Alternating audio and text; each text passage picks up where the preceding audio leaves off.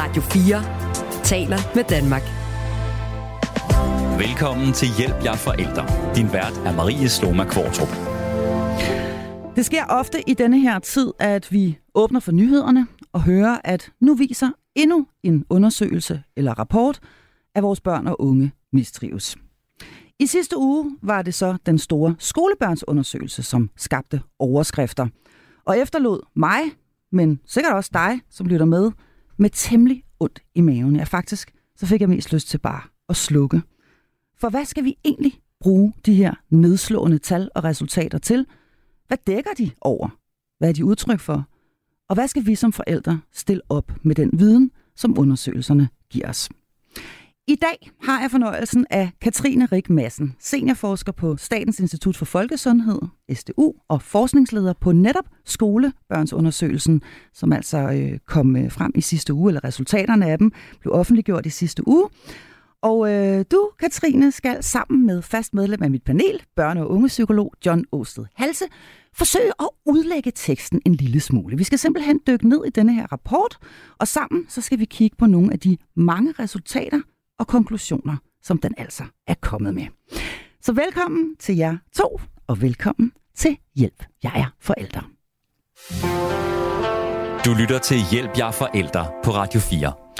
Og allerførst, øh, Katrine Rik Madsen, hvorfor laver man overhovedet sådan en undersøgelse her? Fordi det har vi jo her i Danmark gjort siden 1984. Det er fuldstændig rigtigt. Det er en undersøgelse, som har eksisteret nu i næsten 40 år. Og det er jo det, der gør den ret unik. Og man laver de her undersøgelser, fordi at vi har brug for at forske i børns sundhed. Vi har brug for at vide, hvad det er, der former børns sundhed, hvordan børns sundhedstilstand er. Fordi hvis vi ikke ved, hvordan børns sundhedstilstand er, så er det også svært at vide, hvornår man skal gribe ind. Og den her undersøgelse, den viser jo over tid, hvordan det går på rigtig mange forskellige parametre af børns sundhed. Og jeg er glad for, at du inviterede mig ind i dag, fordi jeg så dermed får anledning til at sige, at det handler meget mere om børns mistrivsel og mentale sundhed. Det handler også om at kigge på deres sundhedsadfærd, som er, hvordan de sover, hvor meget de børster tænder, øhm, hvad, hvor meget fysisk aktivitet de laver. Øh, det handler også om at spørge til deres livstilfredshed, om deres sociale relationer, om deres skoletilfredshed. Så det er jo sådan en, en meget, meget bred øh, undersøgelse, som afdækker børns helbred og sundhedstilstand og det, der former den.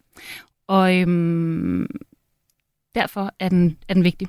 Mm. Svarede jeg på det spørgsmål? Ja, det synes jeg faktisk, du gjorde. Øhm, mit næste spørgsmål er, hvordan, hvordan gør I? Altså, hvordan, ja. hvordan, hvordan, hvordan bliver den til? Ja, det er, det er jeg glad for, at du spørger om. Det er sjældent, jeg får mulighed for at øh, fortælle den del af historien også. Ja. Det er jo øh, noget, vi bruger virkelig lang tid på. Altså, det er tre år siden, vi startede øhm, den her. Den, den, den bliver jo gennemført hver fire år. Øhm, og øhm, når der er, nu har vi lige udgivet den, så går der cirka et års tid, og så starter vi forfra igen. Og det gør vi altid ved at sige, okay, hvad er det for nogle ting, der er vigtige i børns sundhed, som vi ikke har med i de tidligere rapporter? For eksempel har vi i år lidt flere spørgsmål med om sådan noget som skærm og online-liv, fordi vi ved, det fylder mere og mere i børns liv, og det påvirker også forskellige aspekter af børns sundhed. Øhm, og så udvikler vi nye spørgsmål sammen med børnene. Øhm, og vi bruger rigtig meget tid på at, det, vi kalder pilottestspørgsmålene. Så vi laver nogle spørgsmål, øh, os forskere, og så går vi ud og taler med en masse børn og spørger dem, hvad, øh, når, du hører, når du har det her spørgsmål, hvordan forstår du det? Øhm, for eksempel, øh, et eksempel kan være, når vi spørger til ensomhed. Så spørger vi børnene, hvad er ensomhed for dig? Og for at sikre, at de her spørgsmål, vi laver, det kan børnene forstå. Ah, okay. Øhm, så de spørgsmål, der bliver stillet, de er simpelthen udviklet i samarbejde med børnene ja, selv? Ja, det er meget vigtigt, særligt når man spørger børn helt ned i 5. klasse. Fordi at vores erfaring er faktisk, at når vi er ude og tale med de her børn i 5. klasse, så det, skal det faktisk være meget, meget simpelt, for at man er sikker på, at børnene svarer på det, vi gerne vil vide noget om. Og det er jo vildt vigtigt i en undersøgelse som det her, at, mm. at, øhm, at børnene forstår, hvad vi spørger om. Ja, og, men hvordan, fordi der er den nødt til at spørge ind til mm. endnu mere der, fordi hvordan sikrer man så, at der er en fælles referenceramme? Altså, hvordan, hvordan sikrer man, at, at, at et barn, øh, at børn opfatter for eksempel begrebet ensomhed ens? Ja, og det kan man jo heller aldrig sikre sig helt. Men det vi gør, det er, at vi går ud til en masse forskellige børn øh, på forskellige skoler, hvor vi tænker, de har, at det, ja, sådan, så vi ligesom rummer forskellige børn i sådan en, øh, i sådan en pilottest. Øh, og så snakker vi dem om alle de her ting, som vi spørger dem om. og spørger dem om, jamen, hvad, er, hvad er ensomhed for jer? Prøv at fortælle om nogle situationer, hvor I tænker, at I føler jer ensom. Mm. Og så får, de, får vi en masse eksempler for børnene omkring, hvad ensomhed er. Øh, og så får vi en idé om, om er det er det det, vi som forskere egentlig også tænker på som ensomhed, eller skal vi spørge på en helt anden måde? Øh, og nogle gange så går vi tilbage, og så tænker vi, okay, det var med med et dårligt spørgsmål, vi lavede. det gør vi faktisk ret tit, vil jeg sige.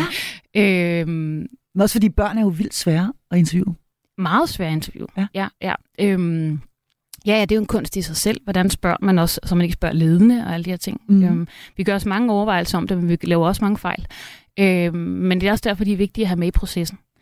Øhm, og så når vi ligesom synes, at nu rammer vi et spørgsmål, der fungerer, så, øh, så, øh, ja, så, så bruger vi det i undersøgelsen. Ikke? Og så er der det med undersøgelsen, det er, at langt de fleste spørgsmål, vi jo, vi vil jo gerne have med fra år til år, eller fra undersøgelse til undersøgelse, fordi det der giver os mulighed for at kigge på udviklingen over tid. Mm. Så mange spørgsmål, dem beholder vi inde. Øh, og vi prøver at lade være med at justere dem, men det er jo klart, at der over 40 år sker noget med børns sprog. Så så der, det er altid sådan for hver undersøgelse en meget, meget fin balance der med at finde ud af, øhm, bruger børn stadig det her, vi har et spørgsmål, der for eksempel hedder sådan noget med, har du nogen øh, at tale med om noget, der virkelig plager dig, for eksempel. Ja. Og jeg tænker, bruger børn stadig det her ord plager dig? Altså du ved, det har man brugt siden 84. Giver det mening stadig at bruge?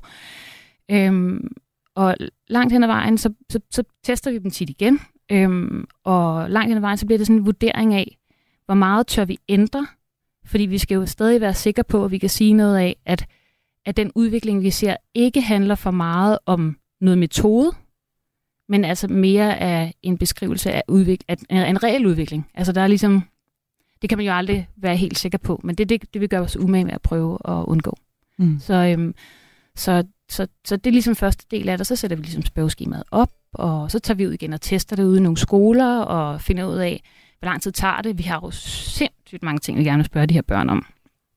Øh, det, igen, det skal ikke være for overvældende jo, øh, men vi vil ikke bruge mere end en skoletime. Så vi går ud og prøver at øh, få en masse elever i forskellige klasser til at besvare øh, vores spørgeskema for at teste. Sådan kan man, kan man meningsfuldt klare det inden for cirka 45 minutter. Nogle bliver ret hurtigt færdige, nogle sidder øh, helt til det sidste. Øhm, og så, øh, Ja, så gennemfører vi spørgeskemaet. Vi gør det, at vi øh, har en hel liste af alle skoler i hele Danmark. Og så udtrækker vi tilfældigt skoler, sådan så vi kommer op på cirka 6.000 børn. Øh, og sådan så vi prøver at kunne sige noget generelt om børn i Danmark. Mm. Øhm, så det er sådan øh, overordnet, hvad vi, hvordan vi gennemfører skolebarnsundersøgelsen. Så der bliver tænkt rigtig, rigtig meget øh, over hvert et, øh, hvert et lille skridt. Og jeg skal også lige siges, at øh, øh, I jo faktisk er et helt hold af, af, ja, af det... mennesker, som sidder. Og det er jo ikke dig alene, Nej, som, glad for, som, ja. som, øh, som står bag. I sidder faktisk øh, mange, og jeg tænker ja. også, at I har forskellige øh, fagligheder, jer der Præcis. sidder der. det er derfor, vi er så stor en gruppe. Ja. ja. Øhm, den skal altså bruges til at give en eller anden form for altså, overordnet indblik i, hvordan går det egentlig derude. Og lige præcis skolebørnsundersøgelsen her, der er I ude og spørge på tre forskellige klassetrin. Ja. Øh, så den, vi lige har hørt resultaterne fra, som den, som vi kommer til at, også at, at, at tale øh, nærmere ind i her den næste øh, times tid, der har I altså talt med børn i henholdsvis 5., 7. og 9. klasse. 5., 7. og 9. klasse. Eller vi skal jo lige huske, vi taler jo faktisk ikke med dem. Det vi gør, det er, at vi laver et spørgeskema, som vi giver dem elektronisk, og så sidder de ude i klasserne og besvarer det her spørgeskema, som vi jo har udviklet sammen med dem ja. inden. Så det er bare lige for at sige, at vi taler, vi taler ikke med dem, men vi spørger dem. Præcis, præcis. Det er en, en, en, en god rettelse. Så for en god ordens skyld, det er altså et spørgeskema, den udfølges, det, det ud, øh, hvad hedder, fyldes i, øh, i skoletiden, ja. øh, og tager cirka en time, hvor de altså sidder sammen med, med nogen, de, øh, de, de er vant til at sidde sammen med, mens ja. de laver den. Øhm, vi skal tale en hel del om, hvad vi egentlig kan bruge den til. Mm. Øhm, men allerførst så har jeg lyst til lige at smide bolden over til dig, øh, John Åsted Halse, som vi jo altså kender som fast medlem af panelet her. Øh, børne- og ungepsykolog gennem, øh, ja, er det, er det frægt at sige næsten en hel menneskealder, John? Ja, øh, øh, hvad tænker du sådan overordnet set om denne her slags undersøgelser? Jeg tænker to ting. Den ene ting, jeg tænker, er, at det er fantastisk godt at få sådan et øjebliksbillede, og også at vi får det hver fjerde år, hvor man kan se, er der positiv udvikling, er der negativ udvikling på, på nogle områder. Positivt er det, at det hver gang de her undersøgelser er kommet, har de altid givet anledning til, i hvert fald i en periode, sådan en vis offentlig mediebevågenhed og diskussion rundt omkring. Så det er det positive. Det er altid godt at få noget dokumentation. Det er altid godt at få noget, hvor man, når man, som, som jeg jo arbejder, når man formidler og holder foredrag eller skriver om, så er det altid godt at have en eller anden base at stå på, hvor man kan sige, det der er der rent faktisk evidens mm. for, så det ikke bare er noget med, hvad jeg synes, eller jeg tror, eller jeg mener, ja. eller sådan noget. Det kan vi godt lide. Ja. Alt det står på den positive side. På den negative side står, at når vi undersøger sådan noget, som det her som overordnet er, børns og unges trivsel, så er den ene ting, det er jo, at trivsel er jo et afsindigt gummibegreb, forstået mm. som subjektivt. Både hvad den enkelte oplever ved udtrykket, om jeg trives eller ej, men også hvad der skal til for, at den enkelte trives. Nogen vil sige, som Ulf Lundell sang for 30 år siden, jeg trives bedst i det åbne landskab, derude, hvor der ikke er nogen mennesker. Andre, og her børn, jeg har det fint nok med at gå hjem fra skole og ikke skulle være sammen med nogen. Andre trives ved, at der er vild gang i deres sociale liv. Så, så man kan sige, at trivsel er, er det er meget subjektiv størrelse. Mm. Og det, og det er, og det, men, det, det men, men er det sundhed også det? Fordi det, det er jo en sundhedsundersøgelse. Ja, det, det, er det, jo i den, det er det jo i den forstand, hvis vi spørger, og nu ved jeg godt, I spørger mere specifikt, ikke? men hvis man sådan overordnet spørger, hvordan synes du selv, det går? Hvordan synes du, du... For det, det er jo det, det er. Det her det er jo en fænomenologisk undersøgelse, hvor vi spørger, som det så smukt hedder i videnskabsteorien, hvor vi spørger, hvordan synes du, du har det? Mm. Det skal vi selvfølgelig lægge meget vægt på og lytte til med stor omsorg og alvor. Men vi skal også prøve at se på, om der er noget bias, altså nogle forstyrrelser i det. Og det, jeg synes, der er det største problem, kan man sige, altså på, på negativ siden, det er, at den både kan bevidstgøre børn og unge om, at de nu vist nok også har det skidt. Hvordan har, hvor, hvor tit har du ondt i maven? Jamen, jeg har jo, jo, gud jo, jeg havde ondt i maven i går. Så jeg har tit ondt i maven noget. Og så kan man sige, at der kommer også lidt forstyrrelse ind i den interesse, der er for det, fordi, øh, altså i, i offentligheden. Fordi man kan jo, hvis ikke man læser tæt på de her ting, så kan man jo få ledet til at tro, at vi er ved at køre en hel generation øh, af helvede til, rent ud sagt. Ja. Øh, fordi alle mistrives, alle har det dårligt, alle har det skidt. Og det er jo ikke jeres som forskers ansvar. Det er jo ikke jeres øh, ansvar og jeres skyld, kan man sige. Men det er jo det, som medierne tager fat i. Ikke? Mm. Det, det er jo ikke en god historie, at, som den her undersøgelse også siger, det er jo ikke en god historie, at stort set 80 procent trives godt til nogenlunde godt. Mm. Er Katrine Rik Madsen, jeg siger endelig noget. Ja, det var fordi, jeg ville sige, jeg synes, det er en super vigtig pointe, John, det der med, at, øhm, at spørge børn. Fordi det er noget, vi diskuterer rigtig meget hos os, det der med, hvad er vores rolle? Altså, på SIF, hvor jeg kommer fra, Statens Institut for mm. Folkesundhed, der er vores vision jo, at vi skaber, vores videnskab og folkesundhed. Det er ligesom det, vi mm. arbejder for.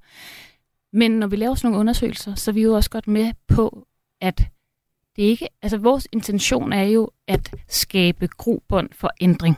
Altså når vi nu kommer ud med sådan en, mm.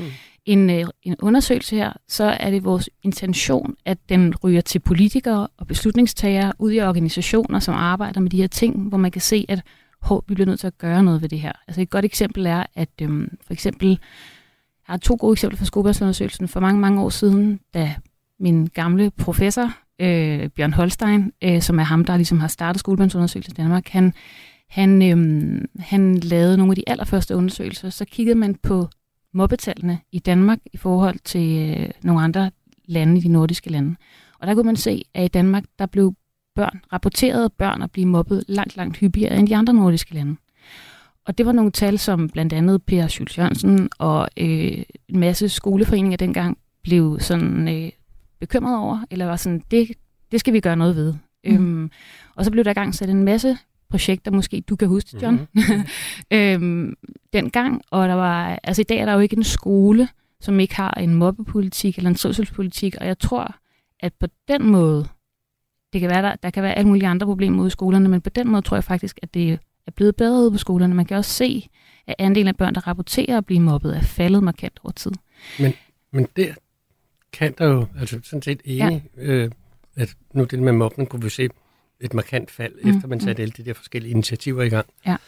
Men det er jo netop, der kommer jo dilemmaet, at vi, hvis man kigger isoleret på skolen, så konstaterer man i skolen, vi har x, x antal procent, der, og lad os bare bruge det udtryk for det, det, brede udtryk, Mm. der er mistrivsel. Mis, der er mistrivsel, og der er forskellige variabler ind i det. Er det Ja. det ene eller det andet eller det tredje, du mistrives af?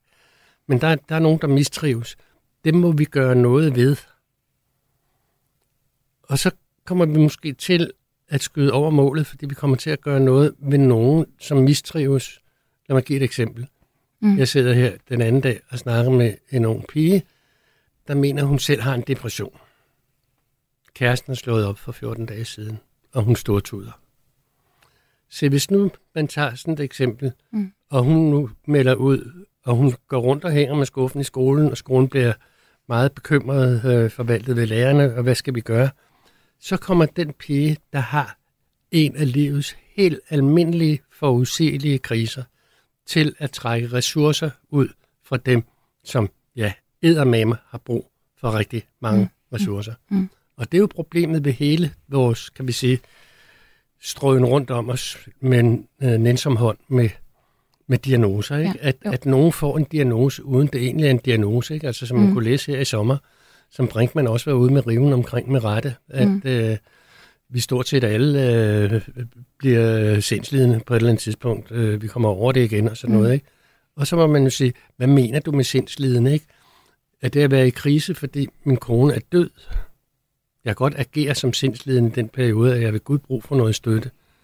Men det er da ikke noget, jeg får hjælp. Det er da ikke noget, jeg bliver Mm. hjulpet af ved at få en pille. Jamen, jeg, jeg, er- jeg, er jo, jeg er fuldstændig enig med dig, John. Altså, jeg synes, og det er jo det, der er...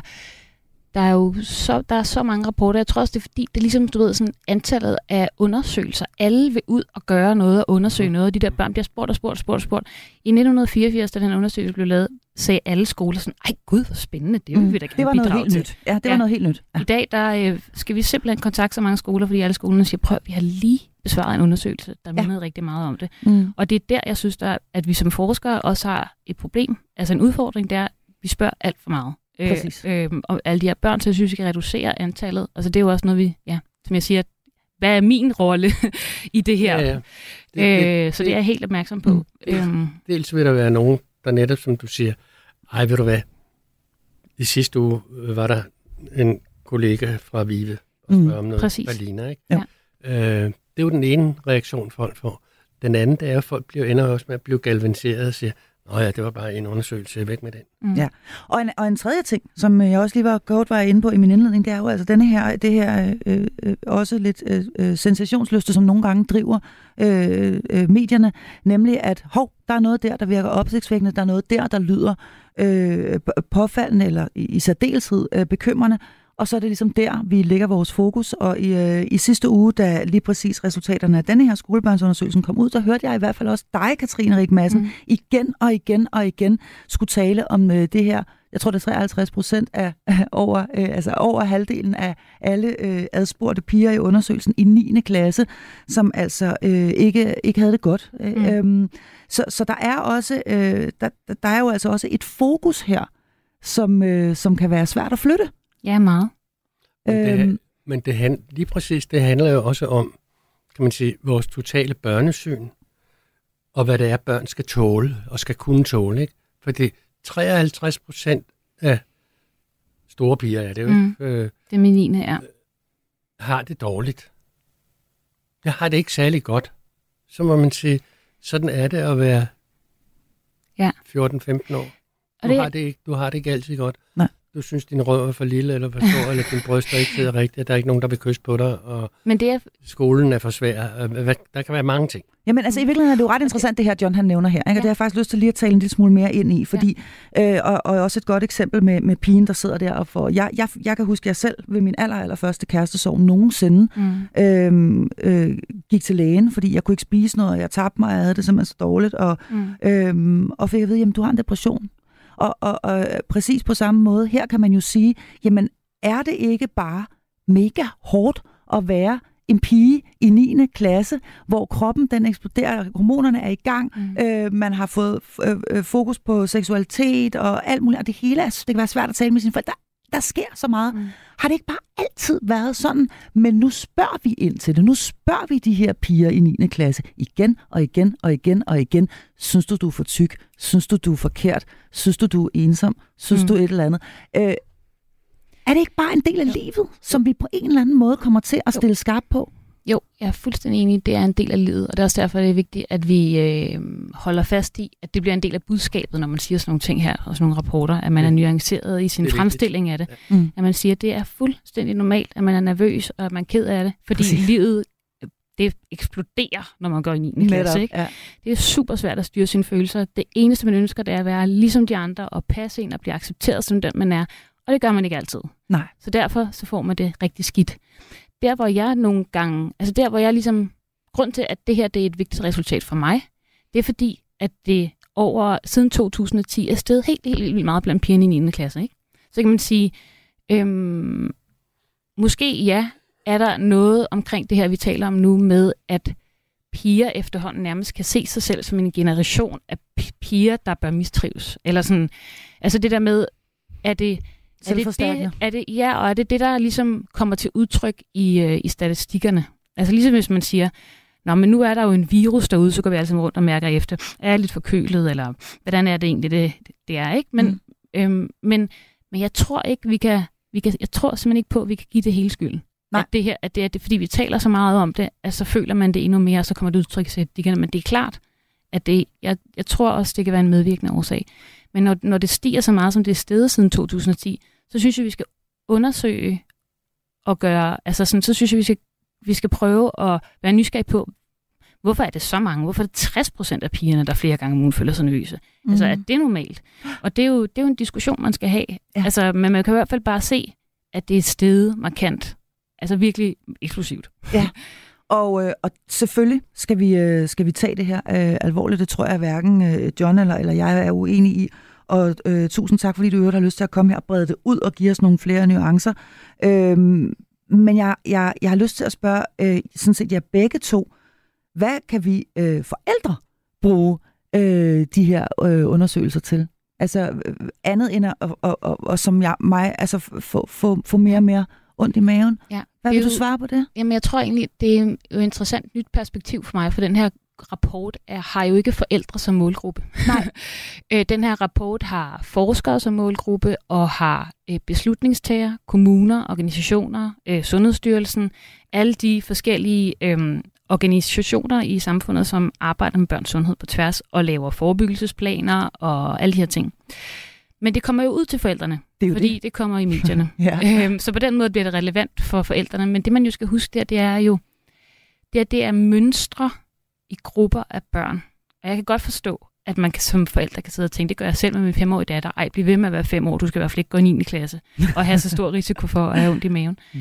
Men, øhm, men jeg tror, man skal tænke det som, at det går desværre, altså tendensen er jo, at det ser ud som, at det går den forkerte vej, men til gengæld for det også har det stor bevågenhed. Altså der er mange, rigtig mange, der gerne vil gøre noget ved det her, som muligvis er et problem. Altså nu siger jeg muligvis, fordi vi sidder og taler om, kommer det af, at vi taler så meget om det, eller kommer det af nogle man, reelle... Men til mm. det kan man jo sige, også for sådan at, om, at modificere lidt, det ja. vi var inde på før, ikke? at når de siger, at de har det af helvede til, så må vi sige, så har vi et problem, altså som samfund. Ja. Mm. Så er vi nødt til at lytte det, til det. Så, så er vi nødt til at lytte til det. det. Synes jeg også. Og hvordan forældrene så skal handskes med det, der vil jeg for det første synes, at det er et mega vigtigt budskab at få ud til forældre, at det her, det er ikke bare noget med, at nu er hunden løs igen, og glem det og sådan noget. Det her kalder jo på stort set alle de variabler, I er fat i, som vi kommer ind på senere her, nogle mm. af dem, ikke? Alle dem kalder jo på en forældreopmærksomhed. Hvad enten det er overvægt, eller det er spiseforstyrrelser, eller det er for meget medieforbrug, øh, hvad det er. Hvor forældrene må sætte sig ned og sige, er der, er der noget, vi bare... Lever vi bare efter devisen omkring øh, vores datter eller vores søn, øh, efter devisen øh, no news is good news, ikke? Fordi mm. det er jo ikke nødvendigvis, at de går rundt og hyler derhjemme hele tiden. Man kan se, på det tidspunkt, hvor de gør det, så er det fordi, vi har trukket en kat for lang tid i halen. Ikke? Altså hvis vi siger, jeg trives dårligt i skole. Hvornår bliver det manifest? Det gør, Mm. når vi får en hardcore skoleværer, ikke? der ikke vil over i skolen. Ikke? Så er det et problem for forældrene. Nej, det her, der skal der være et budskab til forældrene om. Der er nogle ting, I skal snakke med jeres børn om. Mm. I virkeligheden kan man, kan man i virkeligheden sige, at man kan se det som nogle opmærksomhedspunkter. Altså hvis man, øh, fordi dem, der lytter til det her program, det er jo forældre. Mm. Altså at, at, at, og det, vi skal bruge den næste halve time på at tale om, lad det være opmærksomhedspunkter, når du kigger på dit eget barn eller dine egne Præcis. børn derhjemme, Mm. og ved, at det her, det rent faktisk er noget, som er problematisk for nogen. Mm. Ikke nødvendigvis for dit eget barn, men for nogen. Ja, jeg, vil sige, Øhm. øhm, jeg vil sige til forældrene, spring op og fald ned på de der tal, om det er 12 procent, eller 15 procent, eller 53. Vi har nogle områder, dem kan man jo lidt pinde ud. Hvad er det for nogle områder, der, der kan være basis for en mistrivsel øh, hos dine børn? Øh, kig på dem. Mm. Og det allerførste, som, øh, fordi nu skal vi nemlig ned i undersøgelsen, og øh, jeg glæder mig rigtig meget til det. Øh, vi skal se på nogle af de, øh, af de øh, tal, og vi skal øh, berøre nogle af de emner, som øh, mange sikkert hører omtalt allerede i sidste uge, da rapporten her den altså blev offentliggjort. For eksempel har markant flere drenge end piger et højt selvværd. Blandt pigerne føler, øh, øh eller, øh, markant flere drenge end piger har et højt selvværd. Pigerne føler øh, sig, at der er der 12 procent, der føler sig ensomme, hvor det kun er 6 procent blandt drengene.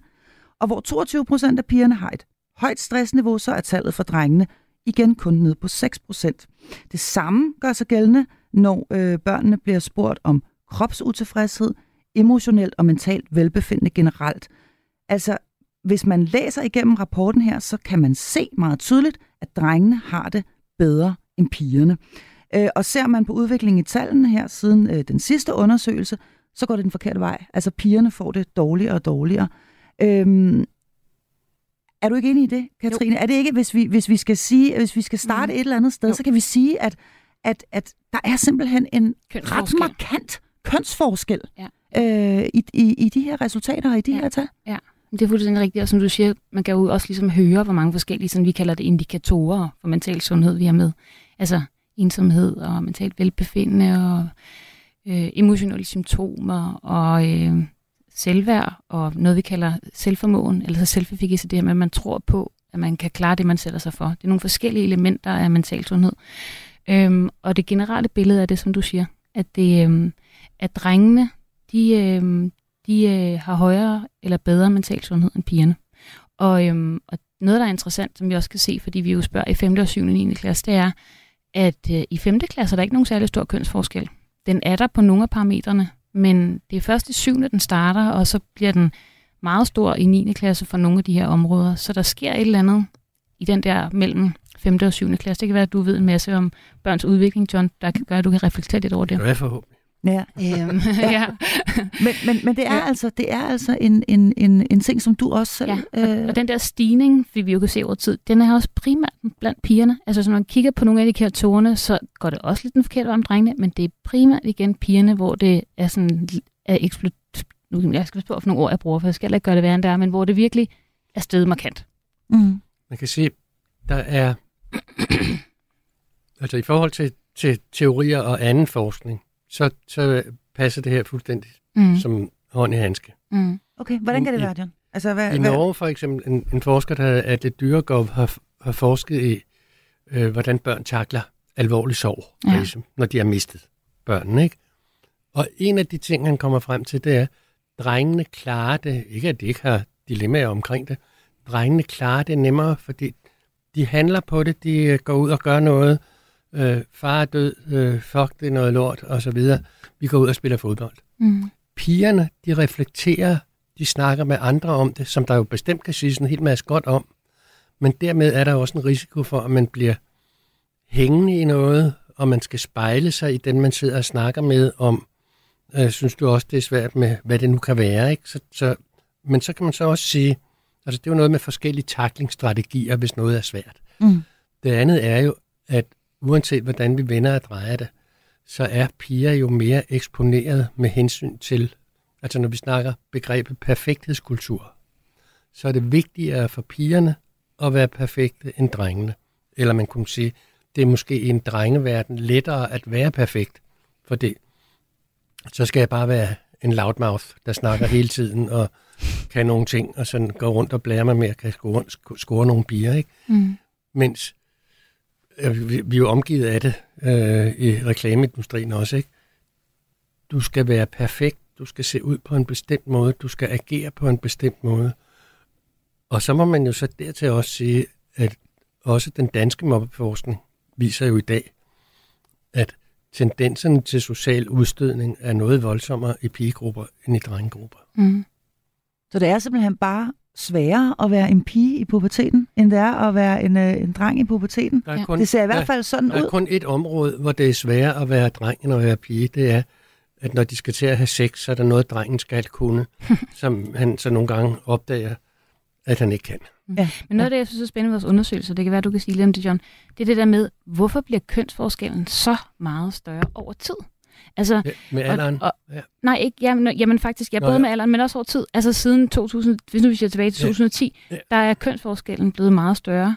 Øhm, og det er det, jeg synes er interessant, og det er der, hvor jeg, hvor jeg, har, jeg virkelig har tænkt meget over, hvad, hvad er det på et eller andet samfundsniveau, som har, kan have betydning for det her med de emotionelle symptomer, at være ked af det, som påvirker pigerne, ser det ud som om, i så meget højere grad end drengene. Øh, og det er jo ikke kun noget, vi ser i Danmark. Øh, Skolebørnsundersøgelsen er en del af et stort internationalt forskningsnetværk, hvor at øh, over 50 lande, de besvarer faktisk mange af de så samme spørgsmål, som vi gør i Danmark, Mm. mm. eller som børnene gør i Danmark. Og det er samme tendens. Så det er ikke kun noget, vi, det er ikke noget, som kun foregår i Danmark. Det er et eller andet, som er et globalt fænomen. Mm. Så det ser Øhm, lige sådan ud med, at, at pigerne altså Ja. øh, også får det øh, værre og værre, ja. Ja. og at øh, drengene øh, er, Ja. har det markant bedre. Der er Ja. også en Ja. grund, grund til, at vi som udg- i udgangspunkt hen over lige præcis de 12-13 år, der er gået, siden vi havde den sidste undersøgelse, ikke? Øh, eller den, den vi sammenligner ja, med nu, ja, ikke? ja. at øh, der har været, der, der blev jo et mere, mere fokus på det, man kunne sige, det er jo, det er jo i det 10 år cirka, at ordet, hvis man, hvis man borer i den, hvad nogle ord bruger man i litteratur om forskellige ting, ikke? Mm. Så det er de sidste 10-12 år, begrebet perfekthedskultur overhovedet bliver lanceret. Og der er vel også en grund til, at som en udløber af det, at man til en start har snakket om 12-tallernes piger. Og ikke snakket om drengene. Så pigerne har en oplevelse af, at der er et større krav til dem om at være perfekte. Mm. Og det er faktisk meget... Oh, oh, jeg Ja, du må gerne og, det, og, og, det, og det er selvfølgelig, jeg sidder lige og tænker på, hvad i alverden det kan være, øh, men det er jo et fokus på, at piger skal kunne noget, som piger måske ikke har skulle før. Ja, og jeg tænker, når jeg lige to kommentarer til det første, det er det der med, du siger med skole. Fordi vores undersøgelse har jo også et spørgsmål med, som vi har haft med i virkelig, virkelig mange år, som hedder, hvor presset føler du af dit skolearbejde? Og det er jo sjovt nok også kun pigerne, der, hvor det er steget over tid. Altså, at der er en større og større andel, der føler sig presset af skolen. Så der er et eller andet med noget med noget forventningspres, tror jeg, som Mm. præger pigerne i højere grad. Mm. Men noget, vi, noget, vi taler meget om i vores øh, undersøgelse, det er også, og, og, og øh, det er også de sociale medier. Og jeg ved godt, at øh, mange er sådan lidt, det er jo ikke de, kun de sociale mediers skyld, fordi det er jeg også fuldstændig med på, at det her det er ekstremt komplekst. Men der er ret meget forskning, der peger på, at altså, de sociale medier kom jo til, til Danmark der omkring Mhm. øh, 2010. Ikke? Der fik vi, jeg tror, vi fik en Facebook der, der i syv eller sådan Mm. noget. Øhm, og det er jo kun blevet mere og mere noget, alle børn har. Øhm, og, øhm, og det, der er med de sociale medier, som forskning peger på, det er, at piger bruger markant mere tid, det viser vores undersøgelse også, på de der sociale medier, end drengene gør. Ja, det er gamer i stedet. Ja, de gamer primært, ikke? At de er også på de sociale medier, men pigerne er det i, mas- i meget, mange flere timer om dagen, end drengene er. Eller meget længere tid om det, end drengene. Men der er også meget forskning, der peger på, at pigerne bruger det anderledes, og de bliver påvirket mere af det. Og jeg kan ikke lade mig at tænke på, at det på en eller anden være med, kan, måde kan være med til at accelerere noget af det, du taler om, John, med den her måde, man skal være på. At piger i dag, ikke kun på grund af de sociale medier, men accelereret af de sociale medier, kommer til at have nogle forventninger til, hvordan de skal være i deres liv, som på en eller anden måde slet ikke afspejler et pige i 9. klasse. Mm. Altså, øhm, hvor, og jeg, jeg tænker meget over det sådan i forhold til, for eksempel inden for ensomhedsforskning, så siger man, at man føler sig ensom, hvis ens, re, ens forventninger til ens relationer ikke stemmer overens med det, man har. Mm. Og jeg tænker, det kan gøre sig ikke gældende kun inden for ensomhed, det gælder sig inden for alle parametre i livet. Hvis de forventninger, man har til sit liv, om det er på det sociale område, eller man skal se ud, eller de ikke lever op til det, man synes, man har, så bliver man ked af det. Og så bliver man øh, ængstelig og nervøs, og altså, så, så får man de her sådan, symptomer på, kan man gerne mistrivsel. Og jeg kan ikke lade mig at tænke på, om det også er noget af det, der gør sig, altså noget af det, som jeg synes, ja. der er det dårlige ved de sociale medier. Er, der er for mig ingen tvivl om, det, øh, vi er jo mange inden for mit fag, og også en i vores faste panel, Imran, der mm. er meget ude med, ikke? at de sociale medier er i hvert fald, og det er jo næsten et, et for positivt ord at bruge her, men det er i hvert fald noget, der faciliterer i den grad negativ selvfølelse. Ja. For det, de sidder og kigger på øh, TikTok og YouTube-influencer, der ligner en million og kan det hele, og det vil jeg også kunne, og det kan jeg jo ikke. Så man kan sige, jo større, og det er jo det, SoMe gør ved både drenge og piger, ikke? jo mere de ser, jo større vil en gennemsnit, hvad det så er for noget ung, vil jo opleve afstanden imellem dem. Mm. Jeg sidder hernede, men jeg vil gerne kunne det der. Mm. Og der vil man jo til enhver tid, ud fra en psykologisk betragtning, sige, så har vi to muligheder. Du kan sænke dit aspirationsniveau, men det kan jeg jo ikke, fordi medierne fortæller mig hele mm. tiden, at jeg skal noget andet. Så medierne er i den her sammenhæng indiskutabel, og vi begynder jo også at få viden om det nu. Mm. Det altså er, de sociale medier? Ja, ja. ja, ja. Det, det, er en, det er en skurk i den, i den her sammenhæng. Mm. Så kan jeg ikke øh, lige øh, dybe mig for at, at tilføje den der med forskellen på drenge og piger. Jeg er sikker på, at min gode kollega Anne E. Knudsen, der er neuropsykolog, her vil sige, der er også nogle indbyggede mm. mentale forskelle, som er styret af vores neurologiske system. Ja. Mm. Hjernerne er simpelthen forskellige. Som gør, at drenge gør nogle ting, og piger gør noget ja. andet. Og piger mm. kønsmodnes jo også tidligere. Ja, ja, og, og, det, ja. og det bliver jo ved sådan set øh, hele livet igennem næsten, mm. ikke? Altså, fordi mm. der er også lavet undersøgelser i voksenverdenen, ikke? Der er masser af mænd, der har søgt ledende stillinger uden at være kvalificeret til det, men de søger dem alligevel. Mens pigerne er mere overvejende over, og mm. sådan, kan jeg nu det her? Mm. Mens vi drenge, vi, vi springer bare ud i det, så, så må det briste eller bære. Mm. Mm. Du lytter til Radio 4. Ja, vi er altså øh, godt i gang med endnu en episode af Hjælp, jeg er forældre her. Jeg har fornøjelsen af Katrine Rik Madsen, seniorforsker på Statens Institut for Folkesundhed på SDU og forskningsleder på skolebørnsundersøgelsen, som øh, altså blev offentliggjort, eller resultaterne fra den blev offentliggjort i sidste uge. Og Katrine sidder her sammen med fast medlem af mit panel, børne- og ungepsykolog John Åsted Halse, og vi er godt i gang med at kigge nærmere på, øh, på netop denne her skolebørnsundersøgelse. Vi taler om forskellen på piger og drenge, og, og, og, øh, og også her øh, øh, viser rapporten her, at der, er, at der er en forskel, når vi taler online-liv. Vi har lige siddet og talt en lille smule om sociale medier. Den, den viser nemlig, at, at, at pigernes forbrug simpelthen øh, øh, er, er, er stigende, øh, og at det også er større end øh, drengenes. Så viser den også en anden ting. Øh, og måske har det også noget med det at gøre. Jeg ved det ikke. Men at pigerne faktisk også er mindre fysisk aktive mm. end, øh, end drengene, øh, mm. Katrine Rik Madsen. De bevæger sig simpelthen mindre. Ja, men det er jo simpelthen, øh, det kan sagtens være relateret til skærm, men det er et mønster, der har været i virkelig mange mm. år. Okay. Ja. Så det tror jeg ikke er på den måde er påvirket af, at man sidder med sin skærm også. Det er simpelthen... Øh, altså jeg, jeg vil lige øh, lave en lille disclaimer. Jeg er ikke sådan uh, fysisk aktivitetsforsker, øh, øh, men det har en kollega, der er, som er med på rapporten. Men, men det, det, er, det er et mønster, der er meget tid været. Altså der er jo det mønster, det, der er kønsforskellen, og så kan man se, at børn faktisk generelt bliver mindre aktive med alderen. Og det er, det er simpelthen bare et eller andet med, at sådan har det bare altid været, eller hvad? At nu så sidder man mere og mere stille, jo ældre man bliver? Ja, og så får man måske nogle andre interesser, som gør, at man ikke går lige så meget til fodbold. Der er mm, del forskning, der peger på, at mm, det kan være svært at fastholde øh, de ældre børn eller de unge i øh, fritidsaktiviteter så får de nogle andre præferencer. Man går i gymnasiet, skal måske bruge mere tid på arbejde og skole, og så dropper man måske fodbold eller svømning, eller hvad det var, man gik til. Mm. Øhm, så det er svært at fastholde de der store børn i fritidsaktiviteter. I aktiviteter. tror- Og så leger man jo Men- mindre. Lige Ja, også det er selvfølgelig også altså, rigtigt. Så man bevæger sig mindre, ikke? Ja. Det der med fritidsaktiviteter af den sportslige art, der synes jeg, det, det er en vigtig pointe, at, at det er jo ikke et nyt fænomen, at der er en kønsforskel. Nej. Og det tror jeg, håber måske, at det med tid her kan udlignes. For det, i min generation og i min børns generation, der lå det meget, man kunne næsten sige bogstaveligt talt, bogstaveligt talt, det lå meget mere til højre benet at være dreng og gå til en eller anden sport, end at være pige og gå til en eller anden sport. Nu kommer der flere sportsgrene på banen, som ellers har været øh, drengedomæne, hvor pigerne kommer på banen også. Og jeg tror også, der er flere og flere forældre, der bliver opmærksom på, at det giver noget.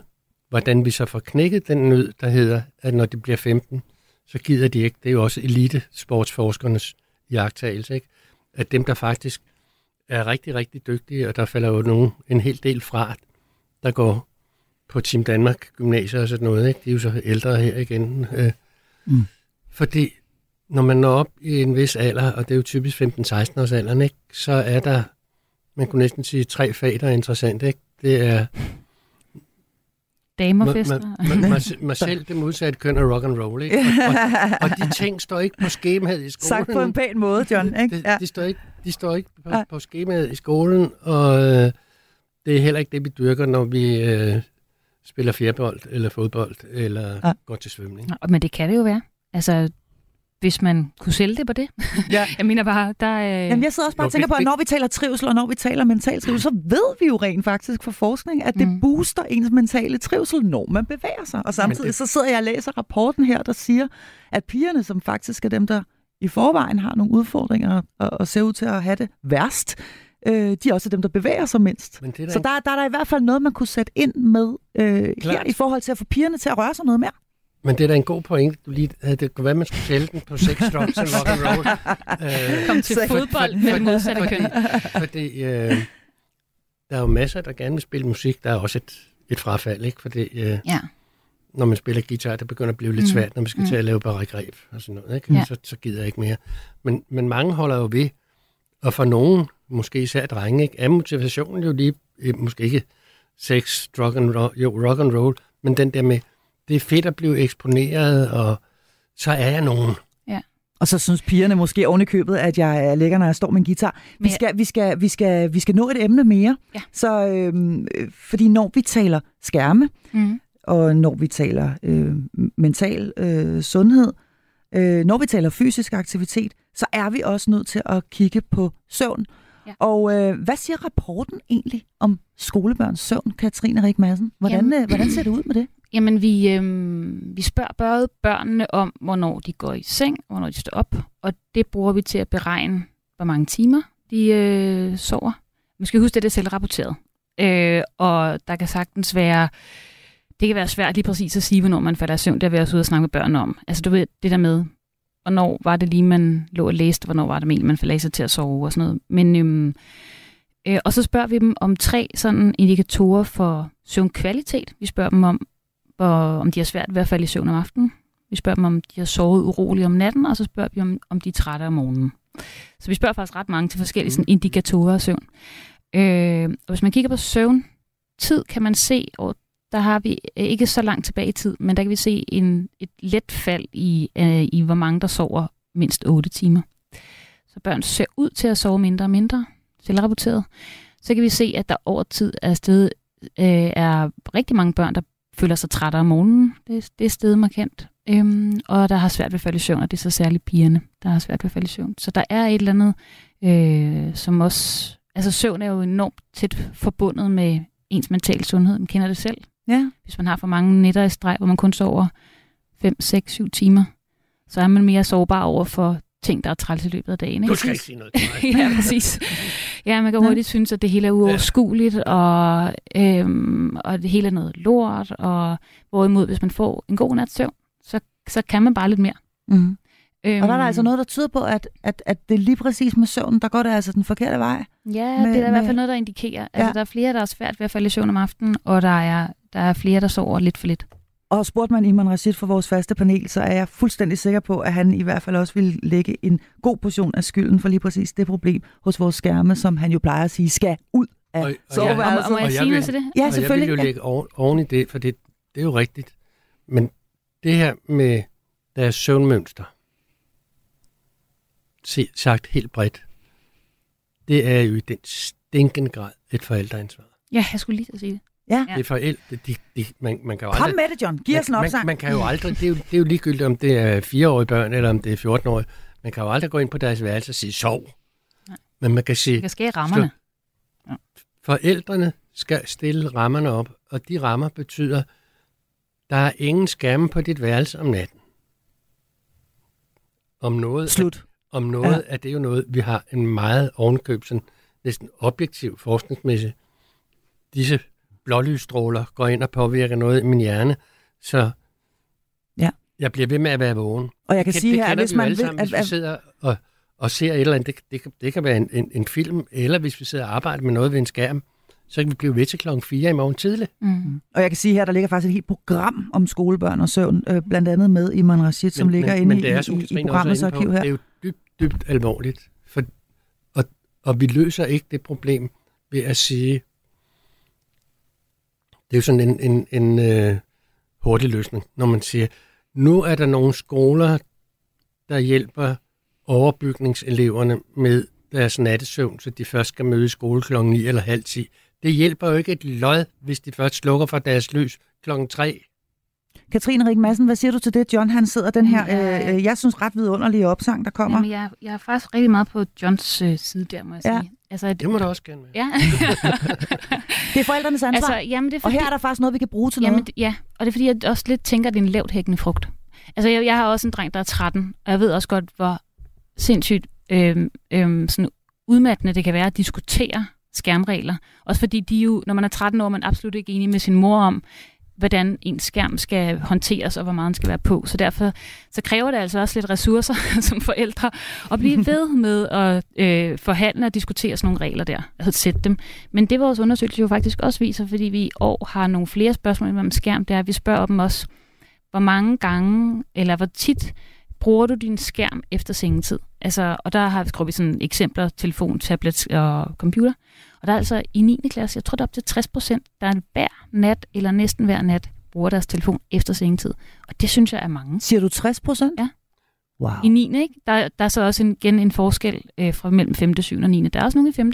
Jeg kan ikke, nu kan jeg ikke huske tallet, jeg kan finde dem, hvis det er, men, men øhm, og det synes jeg bare på en eller anden måde, øhm, hvor jeg tænker, det, det vil være for mig en relativt lavt hækkende frugt at sige, der nedsætter vi nogle regler. Skærmen, den skal, din telefon skal ligge ude i køkkenet øh, fra klokken, fra når du går i seng for eksempel. Og jeg ved godt, at det vil skabe en masse diskussion og polemik, men, men så- det men kunne man sådan- gøre. Ja, men, sådan, det er- men sådan er det. Og der vil Præcis. jeg jo sige, det er blevet et af mine mottoer, når jeg holder foredrag om det her til forældre. Forældreskab er en hård branche. Tag, hvad der kommer, eller hold dig Ja, væk. ja. Altså, det, der, er nogle kon- der er nogle konflikter. Ja. Og ved Gud er jeg helt med på, at medierne har skabt et nyt domæne for konflikter i, i børnefamilierne. Det er klart. Men hvis vi skal have det der begreb på banen, der hedder digital dannelse, så handler det også om at bruge de der udmærkede apparater Mm. på rette tid og rette sted, og lægge dem væk, når det ikke er rette sted og rette tid. Og det, Det er er det ikke, det når man skal sove. Præcis. Ja. Sådan der. Og der kan man jo altså, øh, apropos det der med at tage forældreansvar, for eksempel også læse i denne her rapport, at danske børn er vildt gode til at børste tænder. Altså det var bare lige sådan en lille ting. Og jeg tænker, at der er der altså nogle forældre, der virkelig sådan kollektivt har taget ansvar derude, fordi det går mega godt. Det er næsten 80 procent, der, øh, der, der har en god tandhygiejne og god til at også, bør- vi, har øh, også børste. et, vi har også et forældreskab, der selv er ja, formet ind i det her med at skulle børste tænder. Ikke? For det, dem, der er forældre i dag, har i hvert fald i hele deres egen barndom været med på den der med fluorskyldning. Du og, skal børste dine tænder, hver gang du vasker hænder. Ja, præcis. nemlig, Ja. at, at de, de har lært det. Ja, og nu skal vi lære noget andet. Og en af de ting, som vi i hvert fald sådan helt håndgribeligt kan tage med fra denne her øh, store øh, øh, skolesundhedsundersøgelse, det er, øh, at øh, der er altså noget der, vi skal være opmærksom på. Der er mange ting, vi skal være opmærksom på. Den giver os mange øh, øh, indikationer øh, i forskellige retning.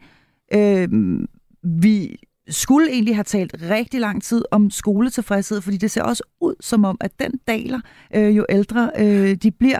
Øh, I har også kigget på mobning som en del af undersøgelsen her, øh, men vi kan simpelthen ikke nå det hele. Det jeg hæfter mig ved, det er, at tallet øh, ligger øh, nogenlunde stabilt, når vi kigger på mobning. Det ligger på omkring 6 procent, øh, som oplever jævnligt at være udsat for mobning, øh, ifølge resultaterne af denne her rapport. Men at de så også, øh, øh, ud over det, spørger ind til det, der hedder online mobning, mm. øh, altså mobning i det digitale rum, og der er der så altså yderligere 4 procent, som jævnligt, og med jævnligt, der menes der mindst to til tre gange månedligt, mm. øh, oplever at blive udsat for, for, for, for on, online øh, øh, mobning. Men at tallene altså, altså ser ud til at være nogenlunde stabile, når vi kigger på, på mobning. Er det rigtigt forstået, Katrine? Ja, altså, øhm, vi spørger jo, som du siger, til mobning i skolen. Og det har vi gjort i mange år. Øh, og der er det faktisk, man spørger både til, om man føler, at man er blevet mobbet, og om man mobber. Så det er begge. Og der kan man faktisk over tid se et fald.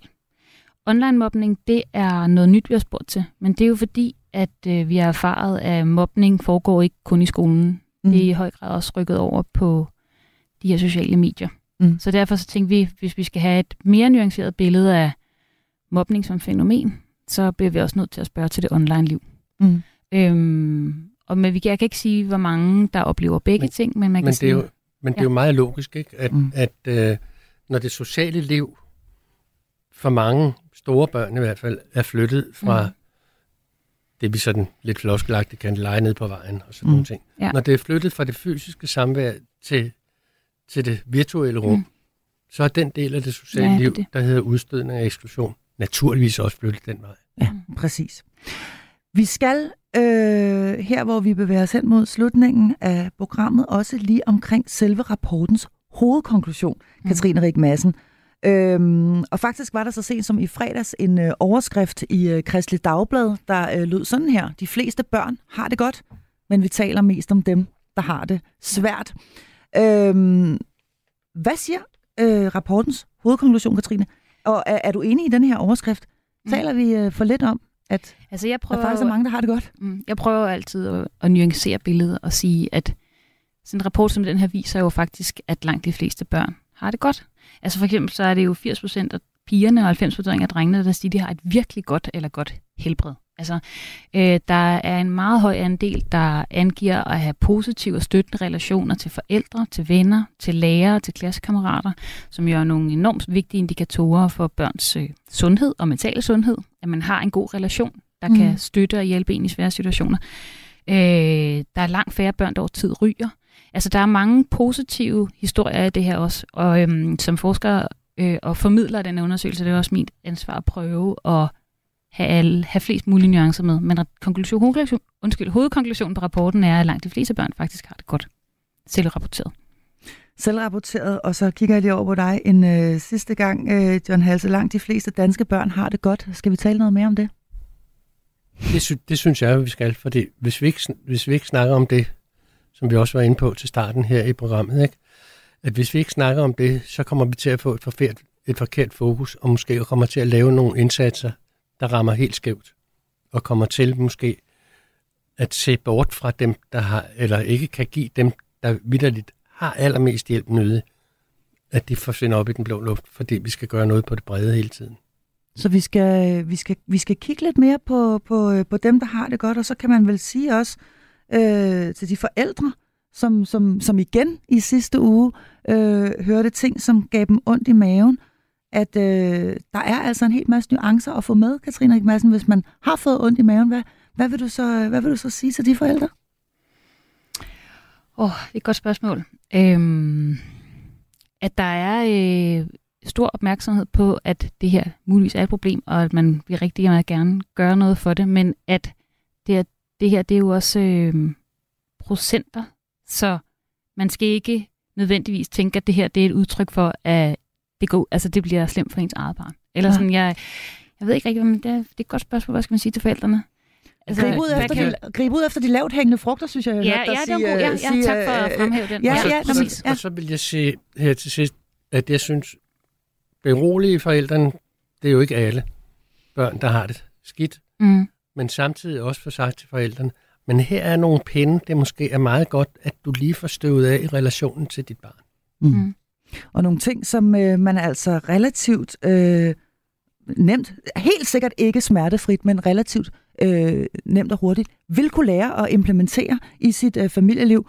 En af dem er for eksempel denne her med at forsøge at få skærmene ud fra, fra børnenes værelser, når de skal sove for eksempel, fordi det er i hvert fald et sted at starte, og det er øh, meget håndgribeligt. En anden ting kunne være at sørge for, at de får bevæget sig. Øh, vi når desværre ikke mere. Og det er jo fordi, at tiden simpelthen bare flyver afsted, når man er i godt selskab. Det var jeg virkelig i den grad i dag. Det var en stor fornøjelse at have dig på besøg. Katrine Rik Madsen, seniorforsker på Statens Institut for Folkesundhed på SDU og forskningsleder på Skolebørnsundersøgelsen. Og du var her altså sammen med altid forrygende og i øvrigt faste medlem af mit panel, børne- og ungepsykolog John Åsted Halse. Mit navn er Marie Sloma Kvortrup. Tak fordi du lyttede til Hjælp jer forældre. Du har lyttet til en podcast fra Radio 4. Find flere episoder i vores app, eller der, hvor du lytter til podcast.